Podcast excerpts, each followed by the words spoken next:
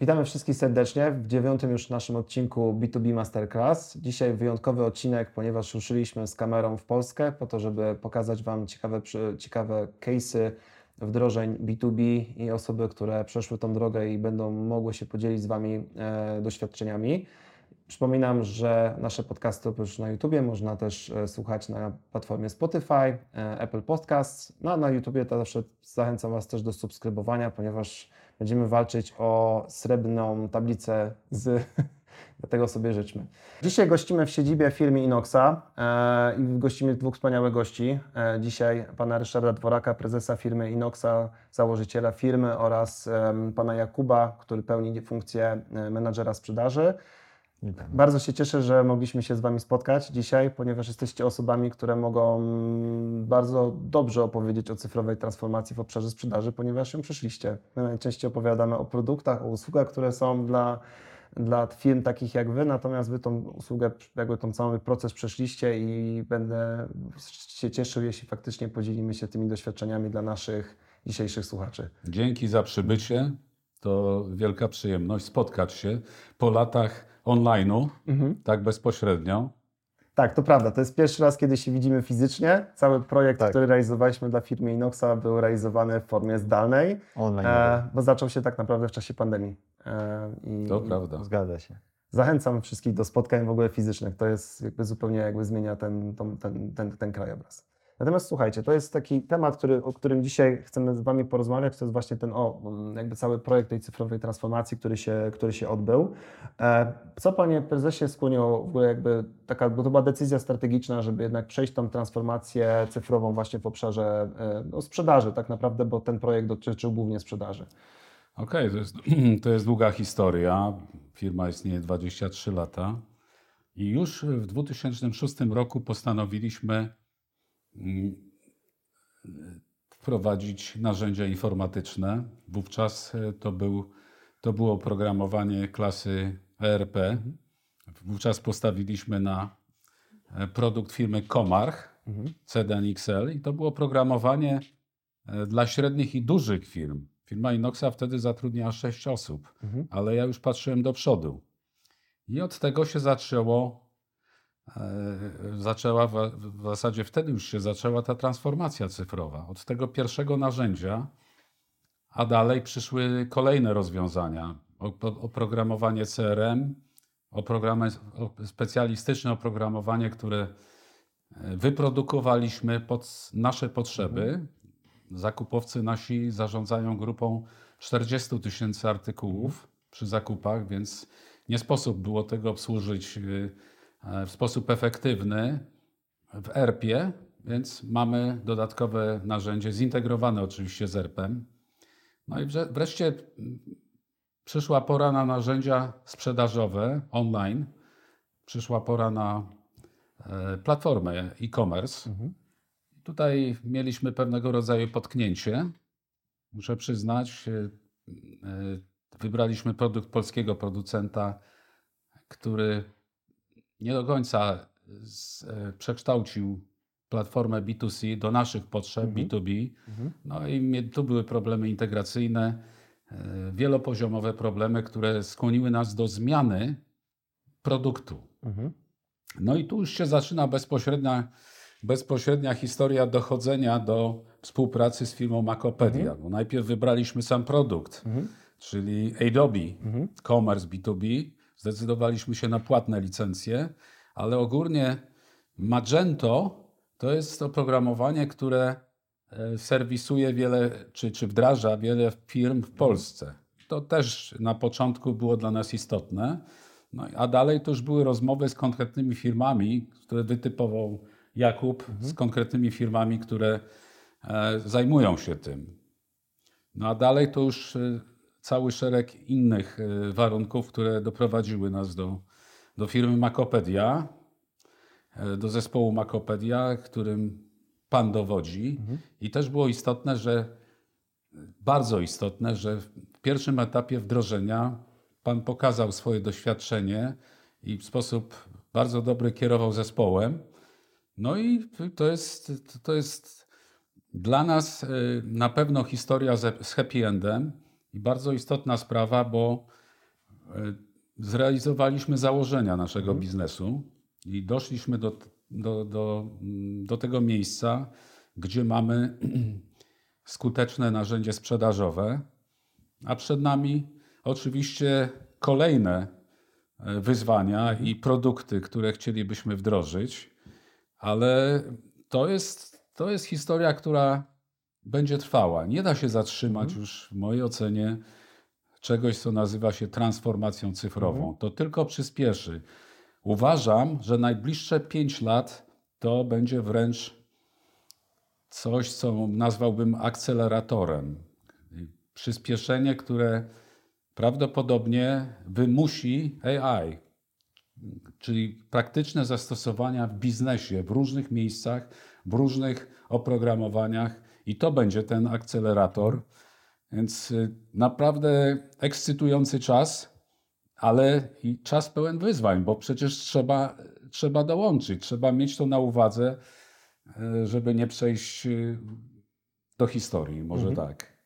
Czy, czy, czy przy decyzji jakby transformacji cyfrowej, którą jakby przeszliście w obszarze sprzedaży, co było dla Was tak naprawdę najtrudniejsze? Czy najtrudniejsze było, były kwestie techniczne, czy jednak gdzieś tam kwestie organizacyjne, czy kwestie na przykład obaw o behawiorystykę Waszych klientów, czy, czy, czy, czy oni będą z tego narzędzia korzystać? No, dla nas y, najtrudniejszą sytuacją to jest to, że my nie mamy działu IT. Mhm. I sprawy związane z wdrażaniem e, tych w sumie bardzo rozległych e, aplikacji czy, czy oprogramowań, e, to jest coś, co, co leży na barkach szefa sprzedaży. Mhm. To on bezpośrednio został zaangażowany od samego początku. I zaangażowany i można powiedzieć kolokwialnie przeczołgany, bo to są trudne sprawy. Mhm. Współpraca z firmami IT to jest olbrzymie wyzwanie. Mhm. E, I tu też chcę podkreślić partnerstwo, jeśli chodzi o firmę Makopedia. Mieliśmy różne doświadczenia w tym zakresie, e, niekoniecznie dobre, bo mówię tutaj o kontroli kosztów, bo nie chodzi tylko o samo programowanie, wykonawstwo, ale jeszcze poprawność e, tych działań, czy poprawność, czy, chodzi o działające oprogramowanie, wzięcie odpowiedzialności za to, że jak występują błędy, to ja je poprawiam, a nie e, niekoniecznie zamawiający ma zapłacić za, za każdą poprawkę. Więc to są jakby oczywiste sprawy, ale nie dla wszystkich firm. Więc y, może Jakub coś powie jeszcze, jak to z jego strony od, od, y, wy, wyglądało, jak te wyzwania wyglądały. No, natomiast y, tak to było. Nie mamy działu IT, nadal nie mamy działu IT. Że to jest w ogóle problem dla wielu firm, że tak naprawdę firmy, które podejmują się cyfrowych transformacji, oczekiwałoby się od nich, że będzie tak zwany CTO, czyli ktoś, kto faktycznie będzie tymi projektami zarządzał, ale w skali godzin w miesiącu, ile on jest potrzebny czasami we wdrożeniu, to, to są pojedyncze godziny tak naprawdę, które są potrzebne, czy, czy kilkanaście godzin miesięcznie, a jednak koszt tego typu osoby w, w organizacjach jest po prostu nie, nieadekwatny do, do pro- problemu tak Zgoda, naprawdę. nie? zgoda. Jest, w ogóle w takiej ostatnio mieliśmy myśl, czy na przykład usługa, która byłaby na rynku dostępna, a w zasadzie nie ma dostępnej, typu CTO na godzinę, który faktycznie można gdzieś zewnętrzną osobę wynająć, która by wspierała tego typu wdrożenia, to tak jest. Natomiast myślę, że ten problem, o którym Wy mówicie, to jest najczęstszy problem we wdrożeniach właśnie B2B, który się pojawia, że że faktycznie nie ma tej osoby, nie ma tego działu. Taki dział byłby bardzo kosztogenny i niewspółmierny do korzyści, który przynosi, nie?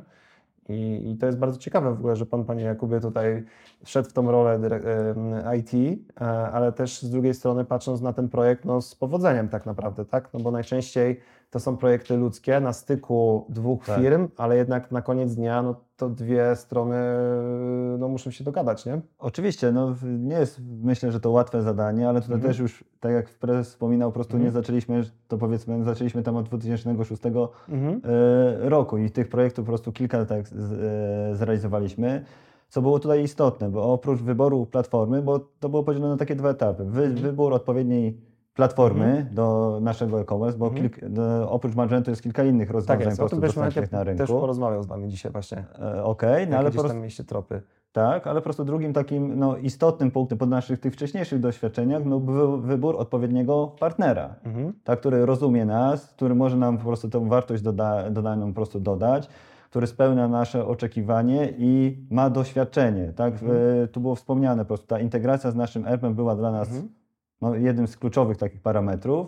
No i tutaj y, też przy udziale pana Tomka to się wszystko udało. Tutaj ważnym punktem jest to może dla naszych słuchaczy powiem, że tutaj Państwo korzystają z Komarchu XL, to co, to co Państwo na, Tak. na etapie, yy, na początku powiedzieli.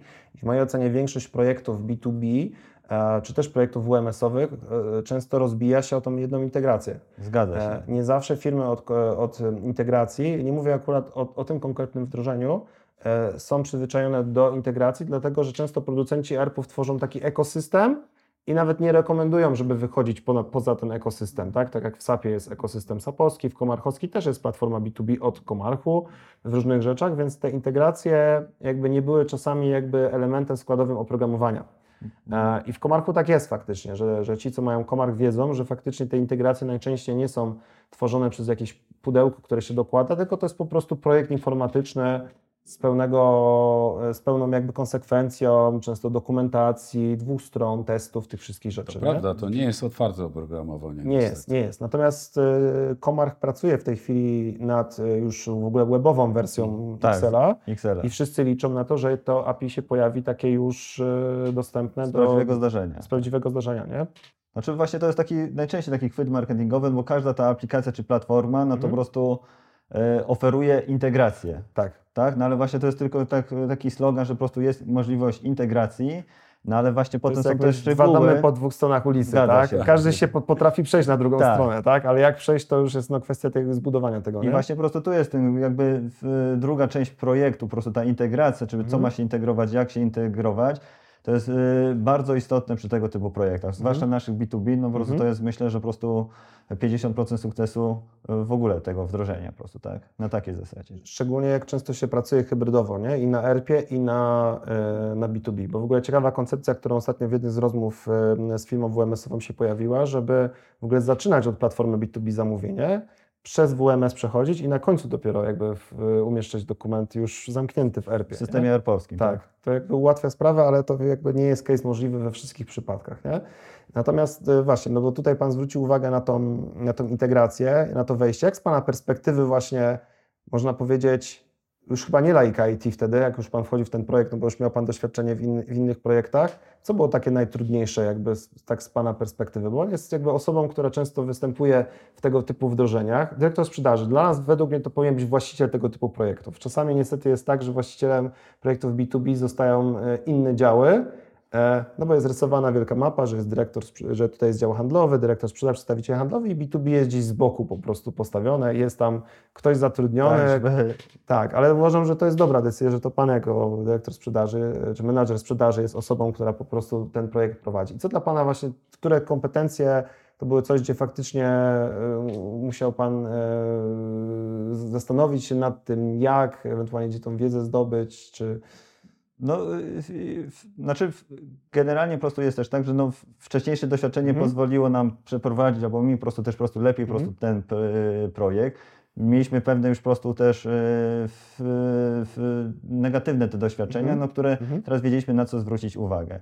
Ale co istotne po prostu jest w tym projekcie, czy, to, czy to była integracja, czy y, różne pewne funkcjonalności, to też się tyczy zarządzania zespołami po prostu, Tak, tak? tak. I tutaj po prostu po jednej stronie... zespołem, dokładnie. Budżetem. Dokładnie. Mieliśmy zespół nasz wewnętrzny, który odpowiadał za to wdrożenie i w, w pewnych, w wystosowaniu pewnych oczekiwań. Mieliśmy zespół Makopedii, z którym też tam rozmawialiśmy i wspólnie wymienialiśmy pewne Mhm. doświadczenia.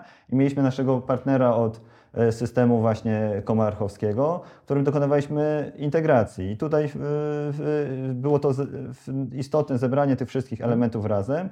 No, chyba największym problemem to są e, terminy zawsze po prostu, czyli po prostu że w, e, kilka tych aspektów wziąć pod uwagę, kilka tych grup zespołów, Tak. żeby po prostu mimo wszystko, żeby na koniec dowieść ten projekt w odpowiednim czasie. No bo w, w, dla nas jedno zadanie z jednej z naszej strony wydaje się e, naprawdę dosyć proste, no ale z drugiego z naszej e, strony partnera, czy to Makopedii, e, czy od systemu ERP, no niekoniecznie po prostu, tak? I dogranie po prostu tych czasów e, no, jest istotne po prostu, tak?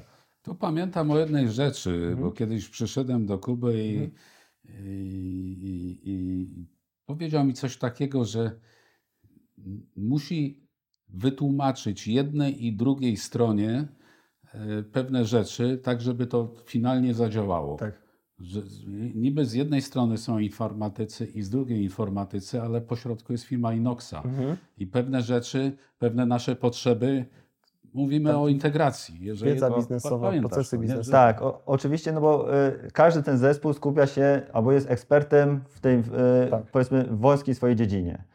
I y, czy to po stronie Makopedii, czy po s- stronie systemu ERP-owskiego. I często jest tak, że albo myślimy, że rozmawiamy o tym samym, a potem na, koniec, na końcu jest po prostu taki efekt, że jednak chyba niekoniecznie po prostu tak było. Yy, lub też odwrotnie, że po prostu jakby na początku każdemu się wydaje, że mówi zupełnie coś innego, a wszystkim chodzi o to samo. Więc są takie aspekty techniczne, które trzeba po prostu jakby z jednej i z, dru- z drugiej strony przenieść, bo na końcu po prostu jest, yy, no jesteśmy, no my po prostu, tak? I my to chcemy przenieść po prostu dla naszych klientów, żeby nasz biznes się rozwijał po prostu, tak? Czyli chcemy po prostu to wszystko po prostu zastosować, tą technologię, by nam pomagała Mhm. a nie przeszkadzała. Zwłaszcza po prostu naszym klientom, żeby to było wszystko duże ułatwienie, Tak. A nie, że utrapienie po prostu, tak. Więc to. Bo po co to wszystko? Po co to wszystko? Po co te wszystkie kolejne wdrożenia? No, jednak y, technologia powinna no, stanowić, tak globalnie mówiąc, to dawać nam przewagę konkurencyjną, ale g- dekompozycja tego no, to jest lepsza obsługa klienta, automatyzacja procesów, większa wydajność pracowników, y, szybciej, lepiej, taniej. To jest ta turbostrategia. Więc to jest, po to jest to wszystko. Po to jest to wszystko. I, I tak jak mówiłem, no, idziemy dalej i nie mamy wątpliwości, że kolejne rozwiązania przed nami. Y, y, Myślę, że y, to nie mieści się w ramach tego spotkania, ale na pewno będziemy w kontakcie. Jeżeli chodzi o e, z, z, natomiast o Magento i wspólnie zrealizowany projekt, to jak najbardziej polecam Makopedię jako dobrego, odpowiedzialnego partnera, który zapewnia kontrolę kosztów dla firmy, dla zleceniobiorcy. E, No to jest coś, co mówię, mówię z pełną przekonaniem. świadomością. Okej, Dziękujemy, bardzo nam to miło słyszeć. Ale e, chciałem poruszyć wątek, który tutaj Pan, Panie Jakubie, m, wspomniał właśnie o tym zaangażowaniu e, Pana właśnie w, mm, w tę rozmowę jakby z, często z dwoma firmami. I to wydaje mi się jest kwintesencja udanych projektów B2B. Bo często jakby spotykam się z takim stwierdzeniem, że mm, y, bierzemy firmę, która wdroży B2B i oni to po prostu zrobią, tak? I my będziemy robić swoje. Natomiast no, to zaangażowanie na poziomie dyrektora sprzedaży jest kluczowe tak naprawdę w platformie B2B, bo B2B jest dla dyrektorów sprzedaży narzędziem pracy i dla całych działów handlowych, menadżerów sprzedaży i wszystkich, ale też e, to narzędzie musi zarząd czuć, że to, to narzędzie jest nam potrzebne i też, też jakby zaangażować zasoby po prostu firmy w, w, w realizację takiego projektu. Nie tylko tak naprawdę często to są zasoby finansowe, ale też czasowe, tak? Zgodzenie się na to, że no w tych dwóch miesiącach możemy na przykład nie dowieść celi sprzedażowych jako dział, Tak. dział handlowy, bo jesteśmy w trakcie wdrożenia B2B po prostu. I myślę, że to zrozumienie na poziomie i sprzedaży, i zrozumienie na poziomie zarządu jest no, szalenie istotne w B2B. Inaczej to nie wyjdzie po prostu, wydaje mi się. Nie, to na pewno nie wyjdzie. Znaczy, no, my mamy jasno sprecyzowaną strategię, czy te Mhm. cele, czy trans- Mhm. transformacja cyfrowa Mhm. i w tą stronę śmiało podążamy po prostu, tak? To Mhm. mówię, po prostu y, platforma nasza e-commerce'owa to jest jedno z rozwiązań, które po prostu mamy, które przybliżają nas do, Mhm. do tego. Mhm. Więc No, na poziomie zarządzania to należy powiedzieć, że firma Inoxa to jest płaska struktura. My mamy bardzo krótką ścieżkę decyzyjną. Mhm. Siadamy, ustalamy, decydujemy, idziemy do przodu. Tak to się odbywa. Nie, nie ma całej hierarchii, która zawsze w jakiś sposób opóźnia podejmowanie decyzji, przy, przy, ale tu już raczej mówimy o korporacjach, o dużych firmach, gdzie siłą rzeczy e, tak musi być, bo mm, struktura przedsiębiorstwa, czy, czy, czy cała ta drzewo organizacyjne jest rozbudowane. Natomiast u nas tego nie ma, więc to jest na tym poziomie podejmowania decyzji, to jest akurat proste u Ale nas. to, to jest w ogóle według mnie dzisiaj klucz do cyfrowych transformacji, bo znamy cyfrowe transformacje, których też jak uczestniczymy jako dostawca e- e-commerce'u czy PIM-ów, gdzie te transformacje potrafią trwać na poziomie koncepcyjnym 2-3 lata. To Tak, jest tak. tylu interesariuszy, tak rozbudowane struktury, że często jakby, jakby można byłoby ją zrealizować zamykając ludzi Tak. na miesiąc w hotelu. Ustalmy, jak działamy, tak? I każdy chce zaznaczyć swoją obecność. Dokładnie. Pojawia się już polityka w firmie wewnętrzna, Tak. każdy gdzieś tam nie chce stracić w swoim zespole na przykład ważności i tak dalej. Natomiast y, to jest, mi się wydaje, szansa w ogóle dla firm e, też w Polsce tak naprawdę, e, obszaru MŚP tak naprawdę całego, że te firmy szybciej się transformują, są w stanie wystawić szybciej usługę dla klienta. Duże często koncerny nie są w stanie tej usługi wystawić dla klienta, więc potencjalnie tracą. Już to drugi raz jakby widać, bo pierwszy raz w Polsce to było widać, jak się pojawiały sklepy B2C mniejsze. Nie wiem, taki przykład Oponeo, tak? Firma, Tak, która tak. wywróciła jakby stolik, jeśli chodzi o w ogóle handel oponami tak naprawdę w Polsce, nie? E, Bo byli w stanie szybko zacząć sprzedawać opony. Duzi nie byli w stanie się tak transformować cyfrowo w obszarze B2C czy B2B, że byli w stanie cyfrowo jakby wy- wysyłać e-commerce'owo opony, nie? Ja jeszcze taka refleksja mnie przyszła w tej chwili Mhm. do głowy y, odnośnie współpracy, ogólnie odnośnie wdrażania nowych rozwiązań. Mhm. Powiedzmy, że y, chcemy wdrożyć rozwiązanie, y, nową, nowe rozwiązanie IT. I tutaj często jest tak, że potencjalny partner pyta nas, no dobrze, a co wy chcecie? Mhm. Napiszcie, na czym Wam zależy. I problem polega na tym, że my nie do końca wiemy. To jest tak, jak y, Steve Jobs nie pytał ludzi, co im się podoba, tylko on o tym decydował. Tak. Ja bym oczekiwał, y, że, że no właśnie, że, żeby dostawca oprogramowania wiedział, jakie są tendencje co, i co należy zrobić. I podpowiadał. Nie tylko pytał, co chcecie uzyskać, jakie macie. Bo to się wtedy kończy tak, że my nie do końca wiemy, tworzymy jakąś listę oczekiwań, która jest wdrażana i na końcu nie działa, bo rynek jest gdzie indziej, albo zmieniły się tendencje.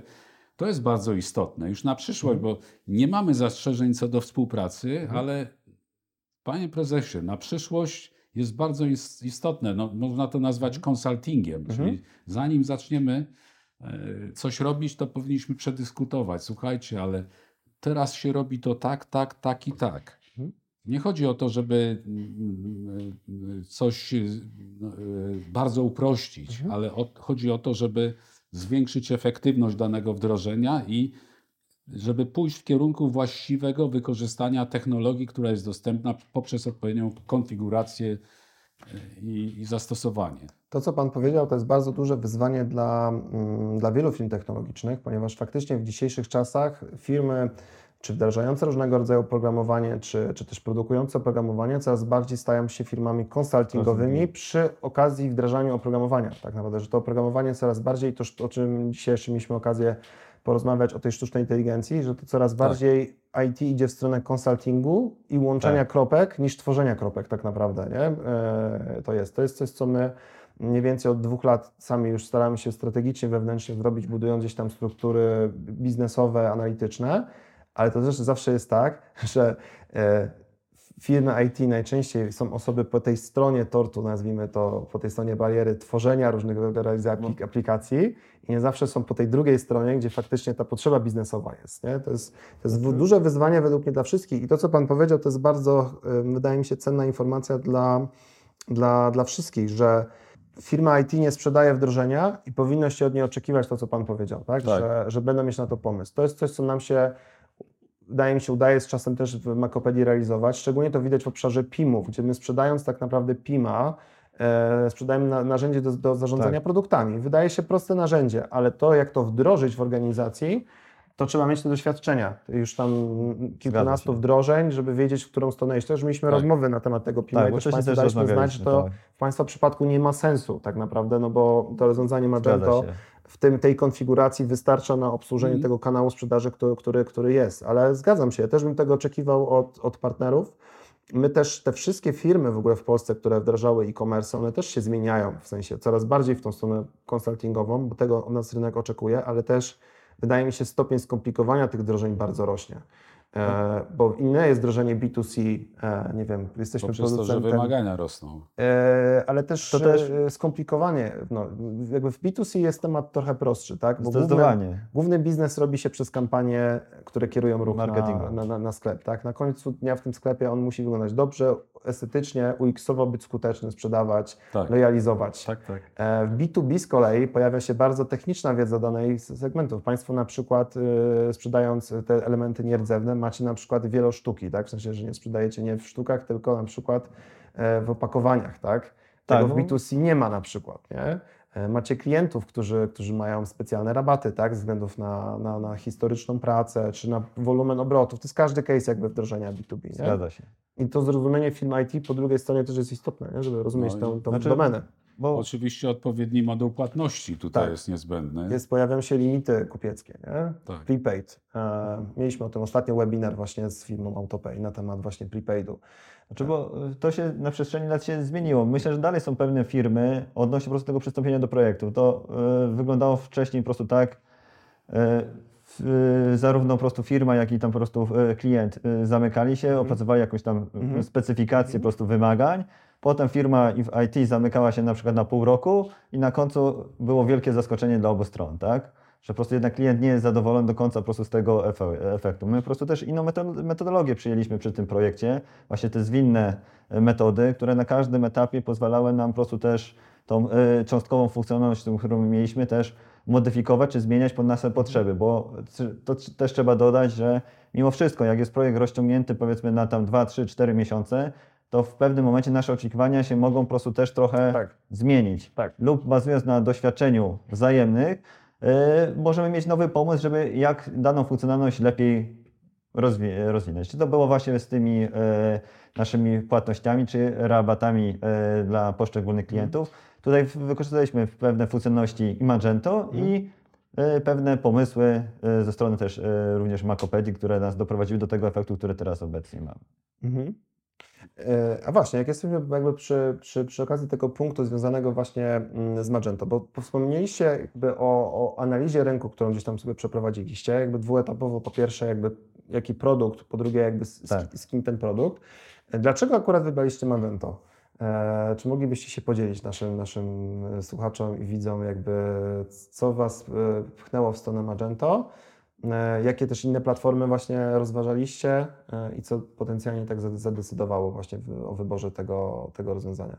Znaczy to wcześniej mieliśmy e, takie dedykowane rozwiązanie Mhm. i jednym właśnie z głównych powodów, dla którego skierowaliśmy się, no, rozglądaliśmy się za platformą podobną do Magento, było to, żeby się uniezależnić od jednego dostawcy. Mhm. To był jeden po prostu takich z, k, kluczowych elementów, bo Mhm. Magento jest open source'em, więc e, tych e, firm wdrażających e, tego typu oprogramowanie w Polsce jest Z kilkanaście, dziesiąt. Dokładnie, nie, nie trzeba się przywiązywać, Mhm. albo jeżeli po prostu coś tam w, w obie strony nie dojdą do jakiegoś kompromisu w dłuższym Mhm. Etapie, to zawsze można e, e, zmienić. Oczywiście, oczywiście jest to też pewne kosztowne, bo są pewne dedykowane już tam dodatki, które Mhm. tam dany s- e, software house pisze, ale mimo wszystko nie ma po prostu tej bariery. Tak, tak zwanego vendor locka to się fachowo nazywa w branży. Dokładnie, Tak. dokładnie, więc I po to prostu... chyba miało rzeczywiście podstawowe znaczenie Mhm. dla nas. Mhm. Znaczy, y, y, to y, zgadza się, bo też zastanawialiśmy się nad innymi rozwiązaniami. Było Magento, był tam Shopper i chyba PrestaShop, jak tam y, pamiętam.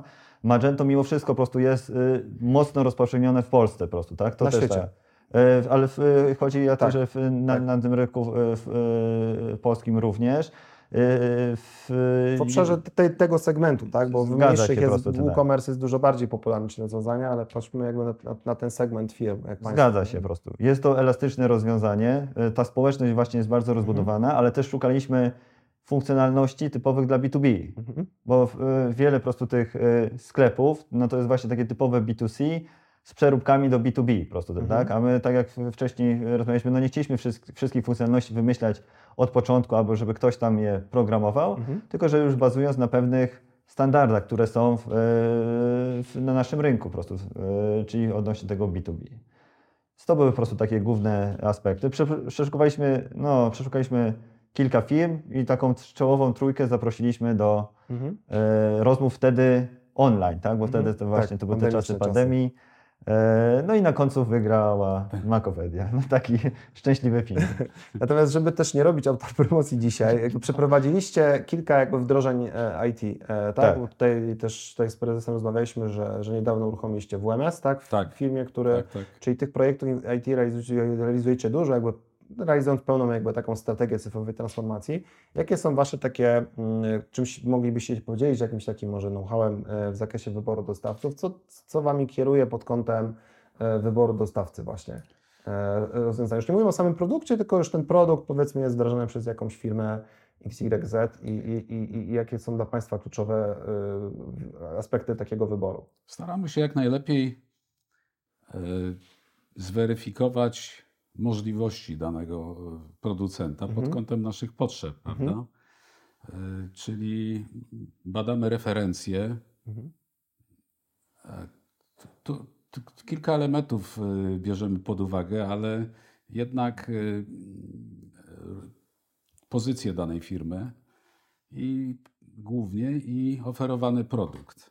Wspomniał Pan o WMS-ie. No tutaj rzeczywiście kilku producentów braliśmy pod uwagę, ale wybraliśmy produkt, który w minimalnym stopniu podlega kustomizacji. Wdrożenie odbywa się głównie na podstawie e, Konfiguracji. tak? konfiguracji, tak. I to, to, to okazało się strzałem dziesiątkę, dlatego że znacznie przyspieszyło wdrożenie i obniżyło koszty. Mhm. Czyli pełna kontrola, można powiedzieć, pełna kontrola kosztów na wdrożeniu, bo to jest istotne. Kontrola kosztów, która często jest e, przy wdrożeniach, większych wdrożeniach IT problematyczna. Mhm. Tutaj tego nie było, bo mieliśmy e, tak zwany dokument blueprint, który pokazywał, co ma być wdrożone, i umówiliśmy się, że jeśli nic nie zmienimy w tym zakresie, w zakresie takim, że należałoby przeprowadzić programowanie, kustomizację, to te koszty pozostaną. I, I to jest istotne. No są inne rozwiązania przy, przy projektowaniu zwinnym. Są jakieś y, na przykład minifixy, czyli umawiamy się na, na, na pewien program działań Mhm. i ustalamy do tego fragmentu fix, tak, czyli ustalamy koszty, ale dla nas bardzo istotny jest sam produkt, czyli referencje związane z produktem i, i kontrola kosztów. No oczywiście tutaj w wymiarze prawnym również właściwa umowa prowadzi do tej kontroli kosztów, jednak Tak. więc to nie jest tylko e, rozmowa, ale jeszcze muszą być owoce tej rozmowy, czyli zapisy. To, to już o tym nie mówimy, bo to jest normalne w biznesie. Aczkolwiek mieliśmy ostatnio odcinek odnośnie e, umów w IT, ten poprzedni, e, na który też zapraszam z Moniką Drabek-Reńką. Tak. I, i, i- to ona jakby starała się pokazać tą perspektywę dwóch stron tak naprawdę, bo to w tej perspektywie dwóch stron jest, a może to jest też dobre pytanie, jakby na co Pan by zwrócił uwagę jako osoba, która zamawia systemy IT do firmy, nie posiadając struktury IT we- wewnętrznie, jakby co dla Pana jest najważniejsze w takiej umowie IT, bez, co, co potencjalnie może powodować, że nie wiem, nie dogadamy się na tej zasadzie, nie? Na, najważniejsze w tym wszystkim to jest, e, co jest na końcu. Mhm. Kiedy wdrożenie się kończy? Mhm. Kiedy? I to musi być jasno określone, że i, i biorąc pod uwagę e, doświadczenia związane z wyborem oprogramowania WMS, Mhm. e, no to tutaj jeden z producentów, bardzo doświadczony, wspaniałe referencje i podkreślam, firma, która jest producentem tego oprogramowania, nie chciała się zgodzić na to, że na końcu jest działające oprogramowanie Okej. że, że, że nie chciała wziąć odpowiedzialności za swoje oprogramowanie. No nazwijmy rzeczy po imieniu.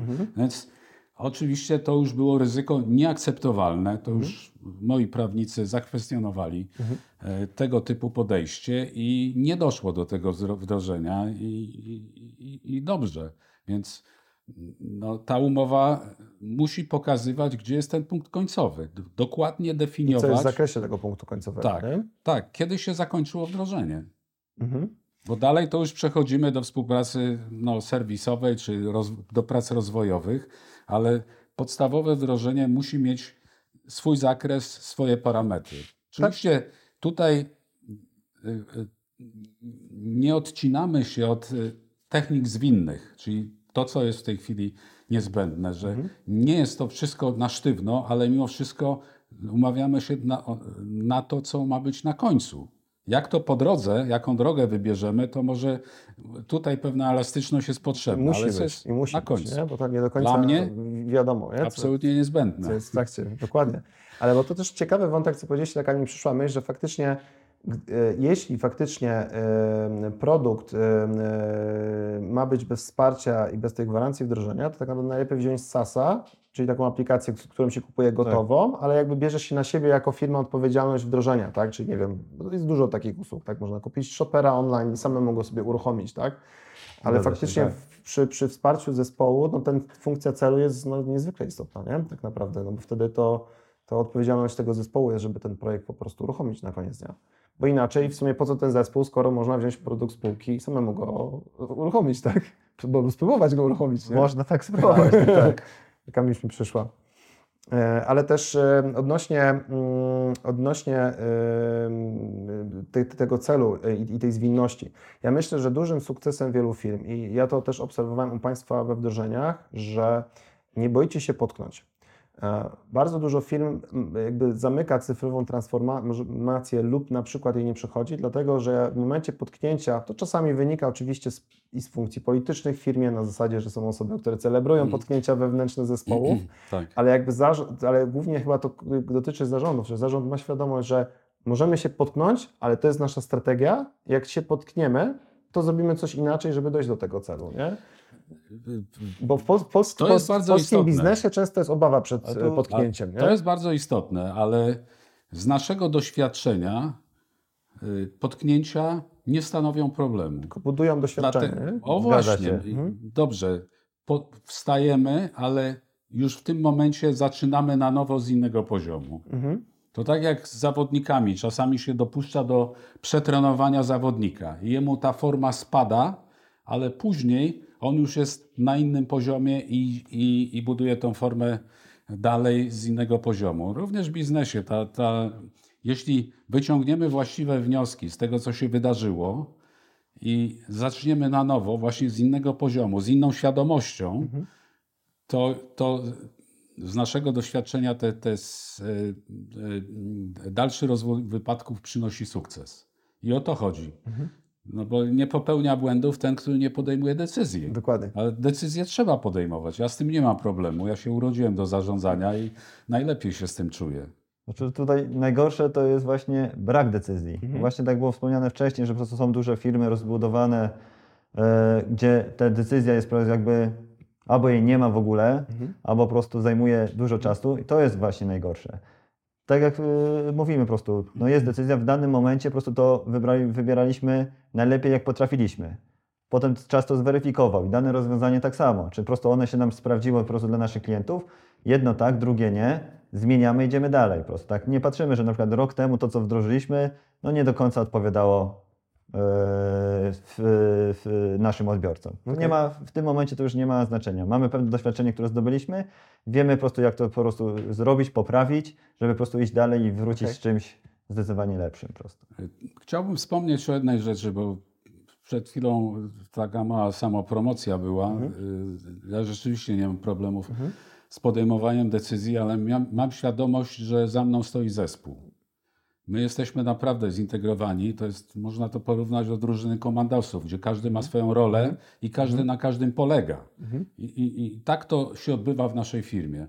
Począwszy od tego najwyższego piętra zarządzania, czyli misja, wizja i wartości, które przepracowaliśmy z całym zespołem i y, z tego się rozliczamy. Dzień po dniu. To nie jest coś, co, co wisi tam na ścianie, jest opisane, ale z tego się rozliczamy. I, I wiele decyzji, które podejmowałem w trudnych warunkach, zasadzało się na tym, że wiem, że za mną stoi zespół i y, nie jestem sam. No i to działa. I to jest ważne w cyfrowych transformacjach, że ten No. zespół musi właśnie stać za, za państwem, nie? za osobami, które to podejmują te decyzje. Nie? Dokładnie. Zgadza się. A właśnie w drugim mieliśmy odcinek, takie, e, takie pytanie zadajemy właśnie często w tych, w tych naszych odcinkach, czy handlowiec straci pracę po cyfrowej transformacji? E, Jak w trakcie jakby tej cyfrowej transformacji w obszarze sprzedażowym, e, którą przechodziliście, czy działy handlowe były faktycznie zainteresowane tą, tą zmianą myślenia właśnie na rzecz, że klient będzie zamawiał online, a nie jednak musi zawsze do tego przedstawiciela zadzwonić? Ten, ta sytuacja na rynku już oddaje głos. Ta sytuacja e, na rynku zmieniła się. To już w tej chwili wykrystalizowało się. Są takie dwa wzmocnienia. Jedno dotyczy oczekiwań klienta. E, To oczekiwanie jest takie, że handlowiec jest ekspertem dla niego. I oczek, czyli dzwoni do eksperta. Z drugiej strony technologia powinna za, dawać możliwości szybkiego, taniego zakupu. Z, technologia jest tu, a handlowiec jest tu. Każdy, więc tu, tu jakby nastąpił podział. Kiedyś to, to, to, to, to mm, wyglądało szerzej. W tej chwili profesjonalne zachowanie handlowca jest nadal w cenie. Czyli, czyli e, jakby, żeby to zła, jakby złapać ten kontekst, czyli, czyli jakby potwierdzacie te moje myślenia, że faktycznie w momencie cyfrowej transformacji ten przedstawiciel handlowy staje się bardziej właśnie tym ekspertem, doradcą, bo jego czas się zwiększa właśnie w tej domenie, a ta technologia jakby wyklucza te, e, te pozostały czas, który, który faktycznie poświęca inne rzeczy. Są statystyki, które mówią, że 30% tylko swojego czasu przedstawiciel handlowy poświęca na sprzedaż. Cała reszta to jest ta administracja, Administracja, tak. zamówień, jeżdżenie. No w przypadku doradcy, no to jeżdżenie nie odpadnie, tak, ale to zawsze można ten czas z 30% zwiększyć do e, nie wiem, 50, 60, tak, e, a to jest w funkcji celu dla klienta dobre tak naprawdę, nie, no bo klient dostarcz, ma dostarczoną lepszą wiedzę na temat produktów e, z, z branży, w której dana firma B2B działa. Tak, zgadzam się. Znaczy u nas we wdrożenie cały zespół był zaangażowany, Mhm. więc każdy to też rozumiał i wiedział, po co my to robimy. My mamy właśnie przez y, e-commerce, pr- przez platformę ułatwiać klientom dostęp, bo tam pokazujemy tak samo na naszej platformie stany, y, indy- zindywidualizowane ceny dla, dla danego klienta, a nie zawsze handlowiec jest dostępny po prostu, tak? Czy w każdym momencie ktoś przy przysłowiowym tak samo biurku może w tym momencie się zalogować na swój profil i zobaczyć po prostu jakie oferujemy ceny i czy mamy tą dostępność tego produktu. Mamy 40 tysięcy produktów, więc y, wprowadzanie po prostu takich list zakupowych albo dyktowanie przez telefon, no to czasami to 15 minut można nad tym yy, yy, spędzić. A takie jak mamy y, masowe wczytywanie prostu pewnych y, list produktowych do koszyka, to znacznie ułatwia. I mamy ten czas, żeby ten handlowiec budował relacje z danym klientem, po prostu był tym ekspertem, a nie odpowiada za taką powiedzmy administrację albo przekazywanie i dwukrotnie właściwie wklepywanie tego do systemu. Tutaj myślę, że w naszej firmie jest otwarta komunikacja, więc od samego początku rozmawialiśmy e, i z handlowcami, i z przedstawicielami handlowymi. E, To w sposób naturalny, e, oprócz tego, co powiedziałem, to tutaj są jeszcze obowiązki e, związane dla przedstawicieli handlowych. To e, takie obowiązki, jak choćby wymogi wy- wynikające z RODO. Więc przedstawiciel, będąc u klienta, y, ma szansę łatwiejszego uzyskania zgody na RODO, czy na, tak, tak, żebyśmy tak, mieli RODO narzędzia, mogli stosować otwarcie narzędzia marketingu inter- internetowego. Y, Również prezentowanie tej platformy bezpośrednio u klienta, bo y, w, na, na, w naszej branży to jest rynek B2B produktów technicznych, więc mamy tu do czynienia często mm, z e, ludźmi, którzy nie bardzo są zainteresowani jeszcze korzystaniem z narzędzi internetowych. Łatwiej ich przekonać, pokazując bezpośrednio na tablecie, jak prosto zrealizować te zakupy. I to są nowe zadania, które realizują przedstawiciele handlowi, więc oni są bardzo potrzebni w- i pewnie jeszcze długo, ale czy, czy zawsze, to tego nie wiem. No, według mnie też długo będą potrzebni, tak? No bo jednak ta wiedza specjalistyczna, choć y, zajmujemy się mocno tą domenową, domeną PIM-ową, czyli informacją produktową, to jednak na koniec dnia klient y, mając, nie wiem, no, widzimy sami jak pójdziemy do sklepu, chcemy kupić pralkę, tak? Mieliśmy webinar o, o, o pralkach między innymi. Mamy 100 pralek do wyboru w danym sklepie i faktycznie, no, którą, Którą wybrać, wybrać. tak? No, Różnice są marginalne. każdej jednej karty katalogowej jest bardzo trudne, tak? Doradca, e, przedstawiciel handlowy często po prostu wie, to jest ten segment, to jest segment, bo też jest szkolony po prostu przez, przez firmy, nie? tak naprawdę w obszarze danego produktu. Nie? I to jest, to jest coś, uważam, kapitalnego, co się dzieje po cyfrotransformacji, że ci przedstawiciele handlowi stają się naprawdę doradcami produktów. Nie? I, i, ekspertami tak naprawdę w swojej też kategorii, bo można tą kategorię zwężać tak naprawdę, tak, że to jest ekspert od, nie wiem, w Waszym przypadku od śrub, to jest ekspert od, nie wiem, od podkładek. Oczywiście spłacam problem, tak, e, natomiast to jest ten fajny kierunek, który, który się pojawia właśnie w, w, w kontekście customer experience jako klienta, który, który doświadcza przez ten Tak. system procesów, ludzi, działania, jak, jak, jak firma działa po drugiej stronie. Tak, tylko tutaj jeszcze w, w, w, na naszym rynku, w segmencie B2B, bardzo istotne jest, żeby zbudować zaufanie klienta. Mhm. Żeby to nie było tak jak w markecie do RTV, Mhm. gdzie niekoniecznie dostaniemy właściwą informację odnośnie konkretnego sprzętu, jest. bo jest jakaś promocja i on ma, będzie Bonusy. tam ciskał coś innego. Tak, tak. Nie, tutaj musi być rzetelna informacja, czyli jak klient zadzwoni i będzie pytał o coś, to ma dostać rzetelną, prawdziwą informację Mhm. i nigdy się nie zawieść, bo z lojalnością jest coraz gorzej. Mhm.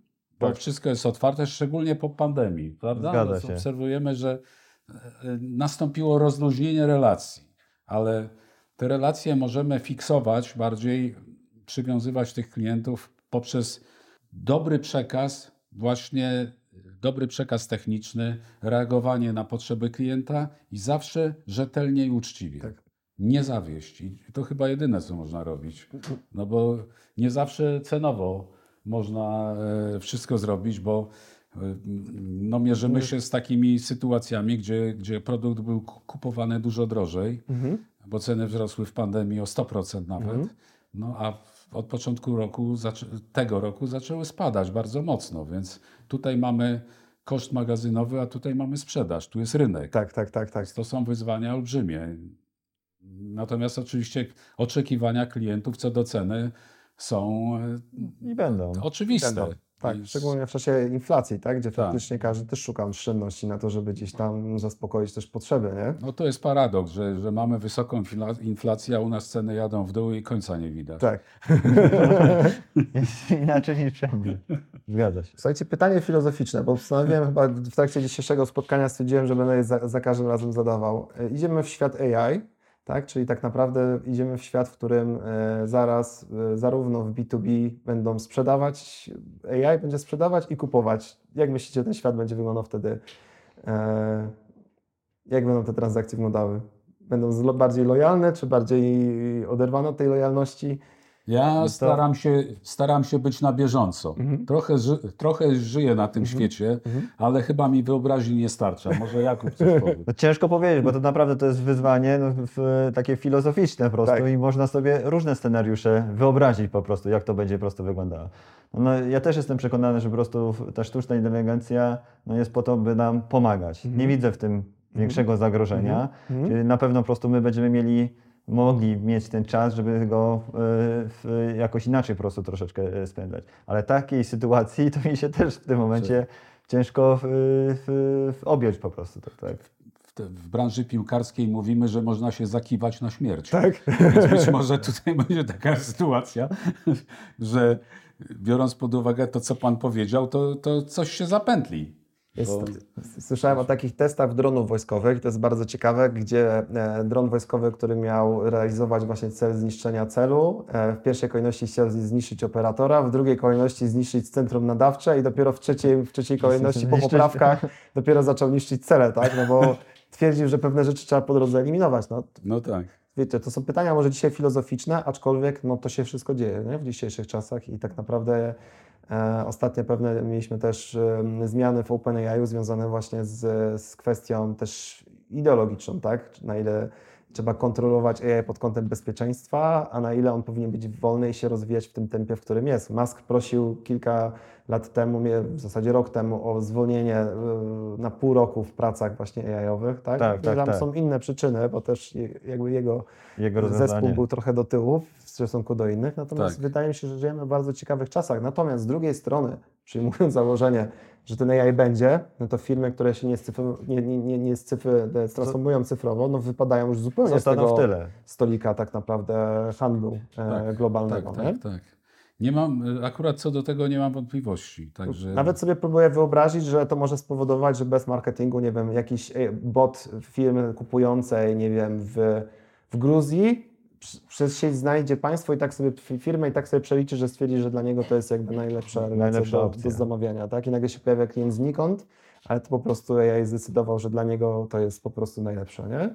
W tym momencie, mówię spoza Polski, tak? Gdzie, to, Tak. gdzie to faktycznie ten globalny rynek też jest eksportowy, jest istotny. Często oparty o targi, dzisiaj bardziej już o internet, tak? Ale jednak e, to dotarcie nie jest wcale łatwe w globalnym świecie do klientów, nie? To prowadzi nas do zastanowienia nad e, naszym procesem, który mamy na platformie, bo ustaliliśmy na etapie wdrożenia, że weryfikujemy firmy, które uzyskają dostęp, tak? Czyli e, jest to pewnego rodzaju ograniczenie. Tak. Biorąc pod uwagę, w którą stronę to wszystko zmierza, to być może trzeba będzie Tylko otworzyć się. Dla Was jest Jedno. plus, że Wy możecie to zrobić szybko, tak? A nie Tak. mając tej całej e, ścieżki e, zrealizowanej platformy B2B, no to wciąż czasami pół roku już może, nie wiem, na wdrożenie całe analizy, czy rok czasu jeszcze z przejściem cyfrowej transformacji, już może być za późno, nie? Dla wielu. Znaczy, my się też tak zamykamy, ale też dlaczego? Bo my obserwujemy, no o tym teraz też nie mówiliśmy, o też niebezpieczeństwach, które za tym Tak. jak jest, tak, y, jest otwarte. Tak? Tak. My codziennie monitorujemy próby y, logowania do naszego, nieautoryzowane próby logowania do naszego Mhm. y, systemu, więc Tak. po prostu też to bezpieczeństwo Jasne. jest bardzo istotne, dlatego się też tak nie, że tak powiem, nie otwieramy. A taka prawda, że po prostu my ten dostęp i weryfikację firm przeprowadzamy szybko, Mhm. żeby po prostu w, i to jest po prostu istotne, po prostu, czy po prostu ten proces nie jest rozciągnięty na, na tydzień, dwa, trzy, Mhm. tylko po prostu to jest w ciągu jednego po prostu dnia klient, jeżeli jest, jest zainteresowany, my sprawdzamy, weryfikujemy Mhm. i dajemy po prostu dostęp do platformy. Okej, bo poza tym e, y, jest istotne, że jeśli dotyka nas Kowalski, tak, umownie, czyli B2C, Tak? no to nie, nie jest w stanie się zarejestrować, bo musi podać NIP. NIP. Więc tu, tu jakby jest też takie naturalne sito, Mhm. które jest niezbędne, również później, jeśli chodzi o sprawy za, związane z analyticsem i inwestowanie w pieniędzy płatne na kampanie i tak dalej. Prawda? To jeszcze e, parę innych elementów. Także myślę, że to będzie jeszcze wymagało zastanowienia, e, jak dalej postąpić, czy, czy nie uwolnić e, jednak możliwości zakupów, oczywiście dalej dla, dla firm z, z segmentu B2B, ale w, w sposób dowolny. To, to, to, to są sprawy związane no, głównie z poziomem cen. Z poziomem nie cen, z polityką cenową. Dla firmy tak, nieznanej czy dać pokazujemy stany, czy nie pokazujemy stanów magazynowych, nie? Tak, tak, więc to, to przed nami jeszcze. Super. A skąd czerpiecie wiedzę na temat transformacji cyfrowej? Macie jakieś takie ulubione źródła, które możecie gdzieś tam zarekomendować? Czy, czy coś w tym obszarze możecie powiedzieć nam ciekawego słuchaczom? Ten wątek transformacji cyfrowej jest teraz no, bardzo popularny. Tak? No, ze swojej strony, czy z naszej strony na pewno możemy polecić e, szkolenia z ICANN Instytut. E, w- myślę, że po prostu to jest na naprawdę bardzo dobrym e, poziomie, a temat jest aktualny i oni dużo tego typu po prostu szkoleń w tym momencie e, e, organizują. Tak? No, ale w, takie narzędzie wystarczy wpisać pewnie w YouTubie po prostu transformacja cyfrowa, to wyskoczy B2B Masterclass nasz. Choćby, choć pewnie po prostu dużo, jeszcze tam po prostu innych konferencji, nie konferencji, czy są też pozycje książkowe, które y, no, to wszystko opisują, bo temat jest na topie i w, w dużo firm po prostu na pewno chce w tą stronę po prostu też iść po prostu, tak. No, zgadzam się, że jeśli chodzi o ICANN Instytut, to tutaj są takie bardzo e, sprofilowane dla biznesu informacje, czy praktyczne, e, wskazujące na pewne kierunki, potrzeby, co, co należy zrobić, na, co to oznacza w istocie. E, Jeśli chodzi zaś o takie ogólne szukanie w internecie, to, to już jest tak powszechna fraza, transformacja cyfrowa, że trudno dotrzeć do jakichś wartościowych treści. Bardziej, że ona jest wielowymiarowa, tak? Bo ona Tak. dotyczy, Trzeba rozumieć, co to znaczy ta transformacja różnych cyfrowa. działów, to jest, dotyczy czegoś innego, tak? Produkcji, nie wiem, sprzedaży, zarządzania relacją z klientem, tak? To są różne aspekty. Ale właśnie, żeby ta transformacja cyfrowa się odbyła w danym przedsiębiorstwie, to całe przedsiębiorstwo, cała firma musi w- wiedzieć i iść w tą stronę. Nie może być tak, Tak. że jeden dział Tak. się transformuje, Tak. a drugi tam powiedzmy natkwi w jakiejś innej rzeczywistości. Wtedy to się na pewno nie uda. Zgadza się. Ja bym powiedział tak, u nas to jest trochę inaczej, bo my raczej nie, nie szukamy informacji, co to jest transformacja e, cyfrowa i co powinniśmy robić, tylko szukamy naszych potrzeb. Y, Jeśli ogólna turbostrategia, o której wspomniałem, to zostało już dawno temu przez nas przyjęte, e, powsze czasy, szybciej, lepiej, taniej, to teraz jak to robić? Jak, ro, jak to robić, żeby było szybciej, lepiej, taniej? Oczywiście to nas doprowadziło do tego, że potrzebujemy technologii, która, już wspomniałem o, o pewnych mm, e, czynnikach, które, czy, czy, czy k- technologia poprawia e, funkcjonowanie biznesu wielowymiarowo, również jeśli chodzi o biurokrację, o, o bezpieczeństwo danych i tak dalej, to, to, to jest niezbędne. To, to, to hasło, kiedyś mówiliśmy o informatyzacji. Ten początek, Tak. 2006 rok, to, to raczej była informatyzacja, czyli e, wprowadzenie rozwiązań informatycznych. No w tej chwili modne jest określenie transformacja cyfrowa, ale w istocie chodzi o kontynuację implementacji nowych, najnowszych rozwiązań IT. IT. Bo co się zmieniło? My mieliśmy system CRM, który zgubiliśmy za sprawą ataku hakerskiego. Nie zdecydowaliśmy się na opłacenie em, haraczu i wybór oprogramowania CRM jest dla nas sprawą otwartą w tej chwili. Jak patrzę na to, nie ma tego złego, co by na dobre nie wyszło, dlatego że na tym rynku sytuacja zmieniła się diametralnie.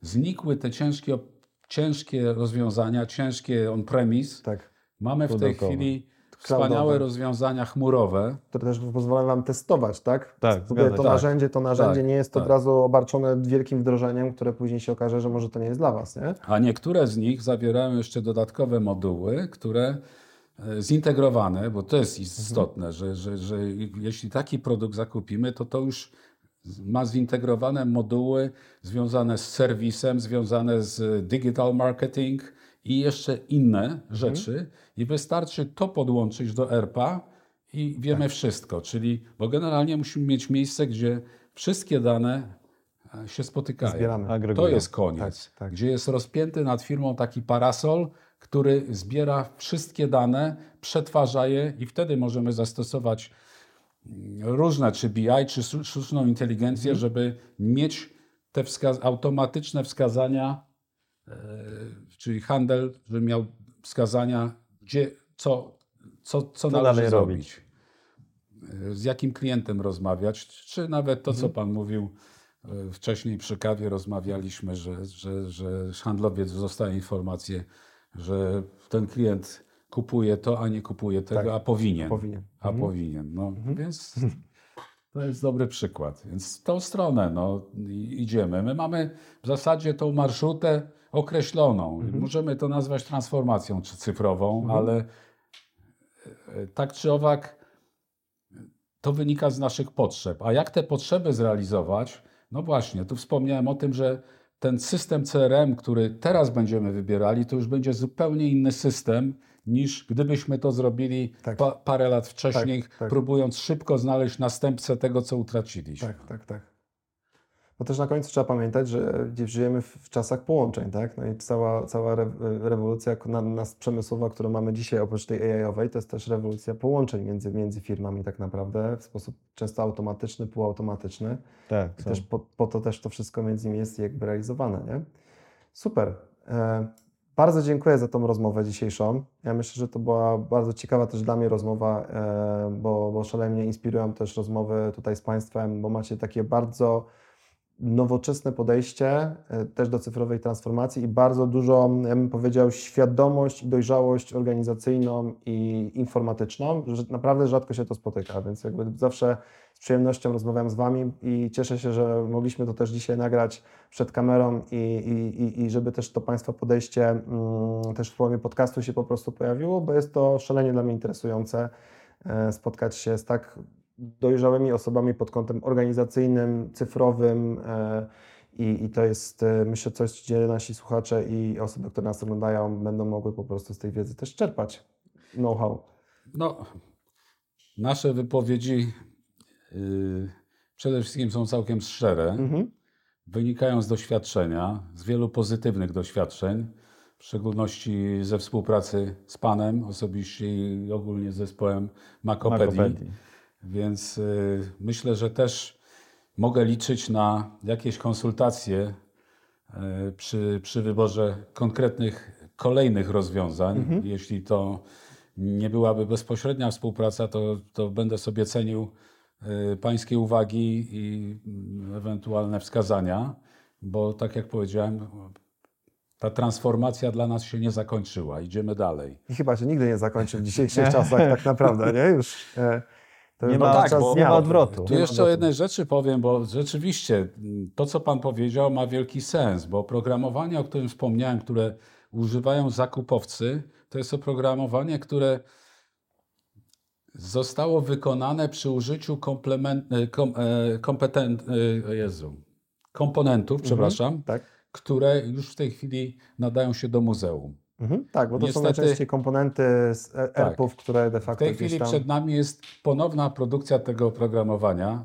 Czy funkcjonalności wszystko jest określone, tylko musimy poprosić kogoś, żeby wykonał to na nowo, tak żebyśmy mogli e, to oprogramowanie mm, e, dalej eksploatować i rozwijać. I rozwijać. Bo tu To nie jest- mamy możliwości rozwoju, bo już firmy informatyczne stwierdziły, że nie, to, to, to do muzeum.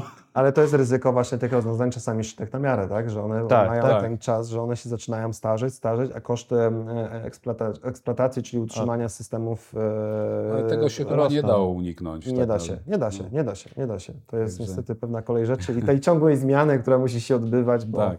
właśnie procesory zmieniają systemy, przeglądarki, urządzenia mobilne, chociaż dobrze się tak w sumie zastanowić, to jaki będzie za 10 lat interfejs użytkownika, tak? Dwa- 20 lat temu nie wyobrażaliśmy sobie, że mamy internet w telefonie, tak?